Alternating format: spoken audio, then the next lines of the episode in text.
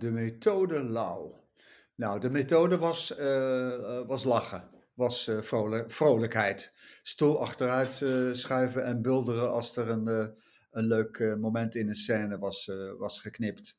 Welkom bij de 16e editie van de Ketelhuis Podcast. Ik dacht eigenlijk dat ik wel iets voor u kon betekenen. Ik heb een paar nieuwtjes gehoord onderweg. Er zijn heel veel bioscoop-eigenaren die het heel moeilijk hebben. Laten we dat even vaststellen. Niet snijden is ook monteren. Over het algemeen is er wel waardering voor de Nederlandse film. De Ketelhuis Podcast. Ik zou er maar naar luisteren.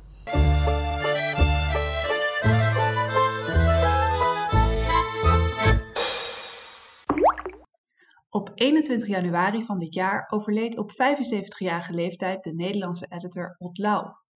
Hij monteerde onder meer de speelfilms De Mannetjesmaker en Oeroeg van Hans Hilkema, 06 Blind Date en Baby Blue van Theo van Gogh, Van Geluk gesproken van Pieter Verhoef en Kruimeltje en Pietje Bel van Maria Peters. Ook monteerde hij televisieprogramma's zoals Het Gat van Nederland en zo'n jaar of tien de satirische programma's van Kees van Koten en Wim de Pie. Voor deze korte Ketelhuis podcast over Otlau sprak Karen Wolfs met Hans Hilkema, Henk Penninga en Kees van Koten. Maar eerst wat stukjes uit de documentaire De Magie van de Montage uit 2015. Daarin vraagt regisseur John Appel aan Otlau wat montage eigenlijk is. Wat is montage? Het uh, keuzes maken 24 keer per seconde. Of 25. Waar snij ik en waar niet? Niet snijden is ook monteren. Ja. Is montage, is dat kunst? Op zich niet, nee. Nee, nee het, eh, het eindresultaat kan kunst zijn. Maar montage is, is, een, is gewoon een vak.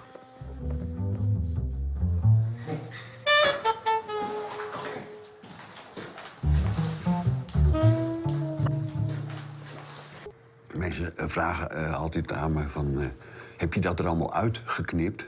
Nee, ik, dan zeg ik nee, ik heb het er niet in gezet. Dat is natuurlijk wat anders. Want je begint niet met een grote film. Maar je begint gewoon met de losse bouwsteentjes die aangedragen zijn. Begin je die film op te bouwen. En dan moet je dus maar zien wat voorhanden is. Of zoals Hans Hilkema het formuleert. Ja, wat wel ook bij die montage belangrijk is, dat je het moet doen met de bouwstenen die er, die er zijn. Uh, als, als, een, uh, als het gedraaid is, ja, dan is, dan is dat het waar het verhaal opgebouwd moet worden. En dan kun je misschien in bepaalde gevallen wel eens een keer iets bijdraaien, maar in principe moet je het doen met datgene wat je, wat je gedraaid hebt.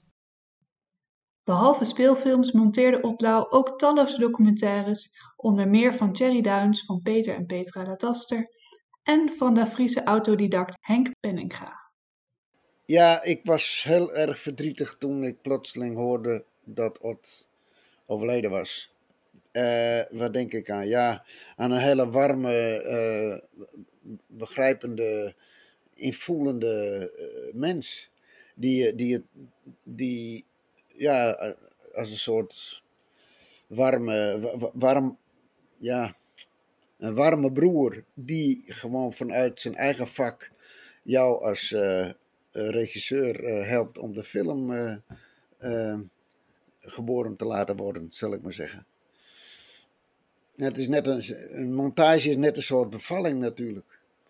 En dan eindelijk, eindelijk krijgen naar al dat werk, uh, krijg je de, het kind te zien wat je, wat je hebt. Uh, dus ja, een, iemand van een montage en een vroedvrouw, het is misschien een gekke vergelijking, maar ja, die haalt het kind. En, zodat alle armpjes en voetjes en, en, en, beentjes op een goede plek zitten. En, en, en, en dat, dat is het eigenlijk. En, hè, en dan wordt het kind alleen maar, krijgt nog een mooi broekje aan, zeg ik altijd. Een, een mooi vestje aan en een mutsje op bij de, bij de eindmixage van het geluid. Maar de montagefase is zeker bij een documentaire van essentieel belang. Wie je ook spreekt, iedereen roemt Ots warmte en compassie. En in het geval van Hans Hilkema zijn solidariteit met de regisseur. En zijn, uh, zijn uh, laten we zeggen, sociale gedrag. Waarbij het natuurlijk altijd een plezier was om met hem te werken. Met uh, veel gein en, en van zijn kant veel empathie voor niet alleen de persoon met wie hij werkte, maar ook voor het materiaal wat hij onder handen had. Zijn betrokkenheid bij, bij producties was altijd heel erg groot. En op het moment dat er, laten we zeggen, conflicten waren, maar, om maar zo te noemen met, met, met de producent, stond hij altijd aan, aan, aan de kant van de regisseur. Dat, ma dat maakt hem een soort buddy eigenlijk bij, bij, bij conflicten. Zoals gezegd monteerde Otlau in de jaren 70 en 80 zo'n 10 jaar lang de satirische televisieprogramma's van Van Koten en de Bie. Ook aan Kees van Koten dus te vragen wat voor man Oplau nou eigenlijk was. Uh, een beminnelijke, energieke, uh, alleskunner.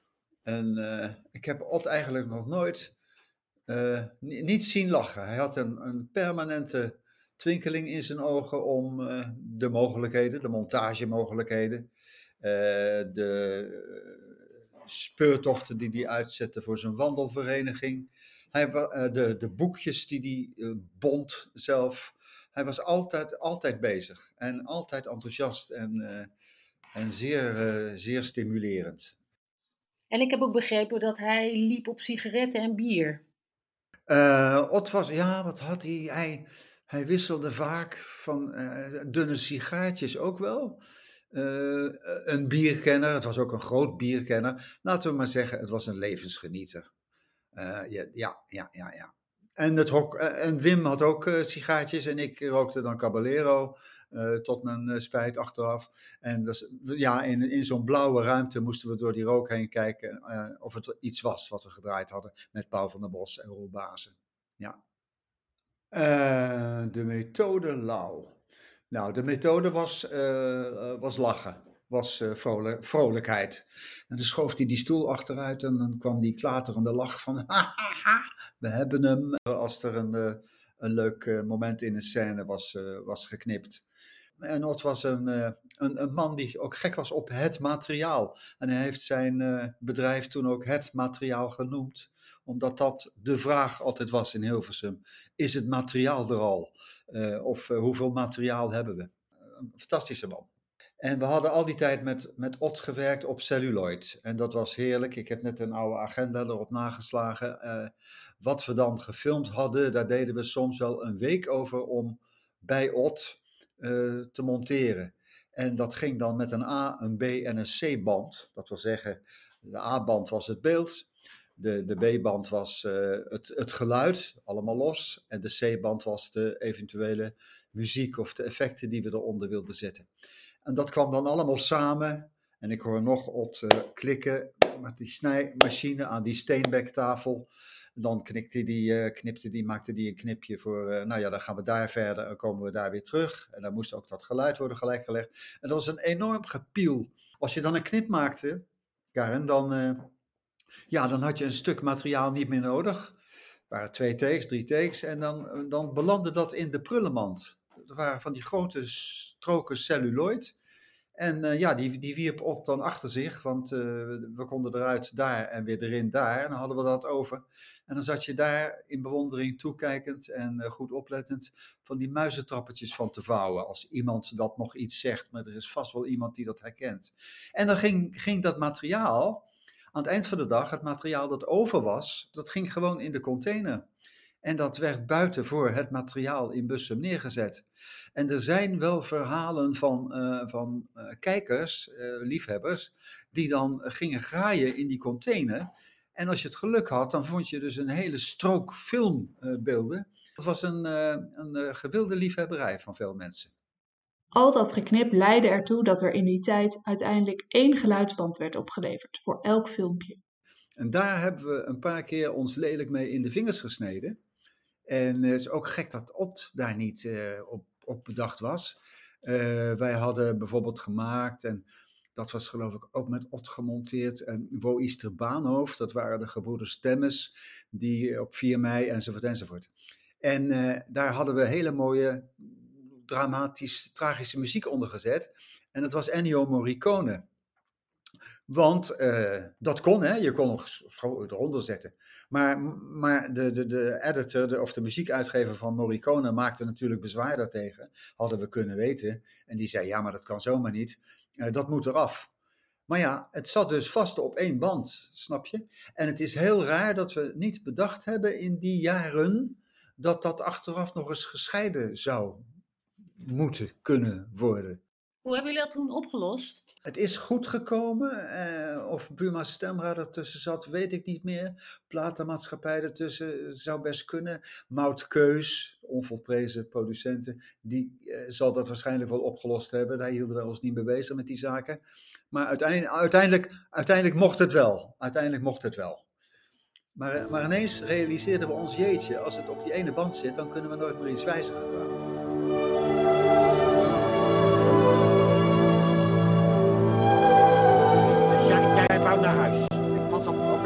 Moeder. Mijn vader was aan het werk op de tuin. Hij komt hier zo aanfietsen en hij vraagt mij handboeken. Ja. En ik denk, nou gebeurt het nu of nooit. En dus hij vraagt, waar is de Baanhoven? Ja. En de Baanhoven is station, dat wist ik, dat was dus daar. En ik, ik zeg, ijskoud zeg ik, daar is de Baanhoven. En ik heb dat, ik heb dat, ik heb dat gij pas na de oorlog verteld. Wat ik dan te maken heb gehad met het verzetswerk. Want er schoot toen onmiddellijk door me heen.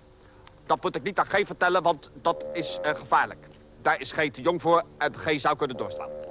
Het keerpunt in onze relatie, die relatie is persoonlijk altijd hartstikke goed gebleven. En heel leuk en, en verhelderend. Maar het keerpunt was dat we, uh, Wim en ik, konden op eh, video gaan werken. En dat betekent dat we meer, meer kleinere filmpjes konden maken. En, en dat, het, dat de montage ook veel, veel korter kon en veel sneller kon. Paul van der Bos had zijn uh, Eclair-camera ingeruild voor een, uh, grote videofilmcamera. En uh, die overtuigde ons van die mogelijkheden, dat we daar toch veel sneller mee konden werken. Toen heeft Ot nog een tijdje overwogen, serieus, of die ook niet met zijn hardware, dus met zijn montagetafel, op een videomachinerie moest overgaan. En dat heeft hij uiteindelijk niet gedaan. En toen hebben we dus afscheid van hem moeten nemen, in dat opzicht hoor, we bleven elkaar wel zien. Maar we bleven niet met hem werken. We gingen toen naar de NOS en daar kwam de fantastische eh, monteur, editor eh, Ad Buursema eh, ook ons team versterken. En daar hebben we toen in, met een video veel kortere scènes in een veel kortere tijd kunnen maken. Later is Otlau alsnog digitaal gaan monteren, maar toen hadden Van Koten en de Bie dus al afscheid genomen. Waar ik altijd wel van gecharmeerd ben, is uh, van, uh, van lange stiltes.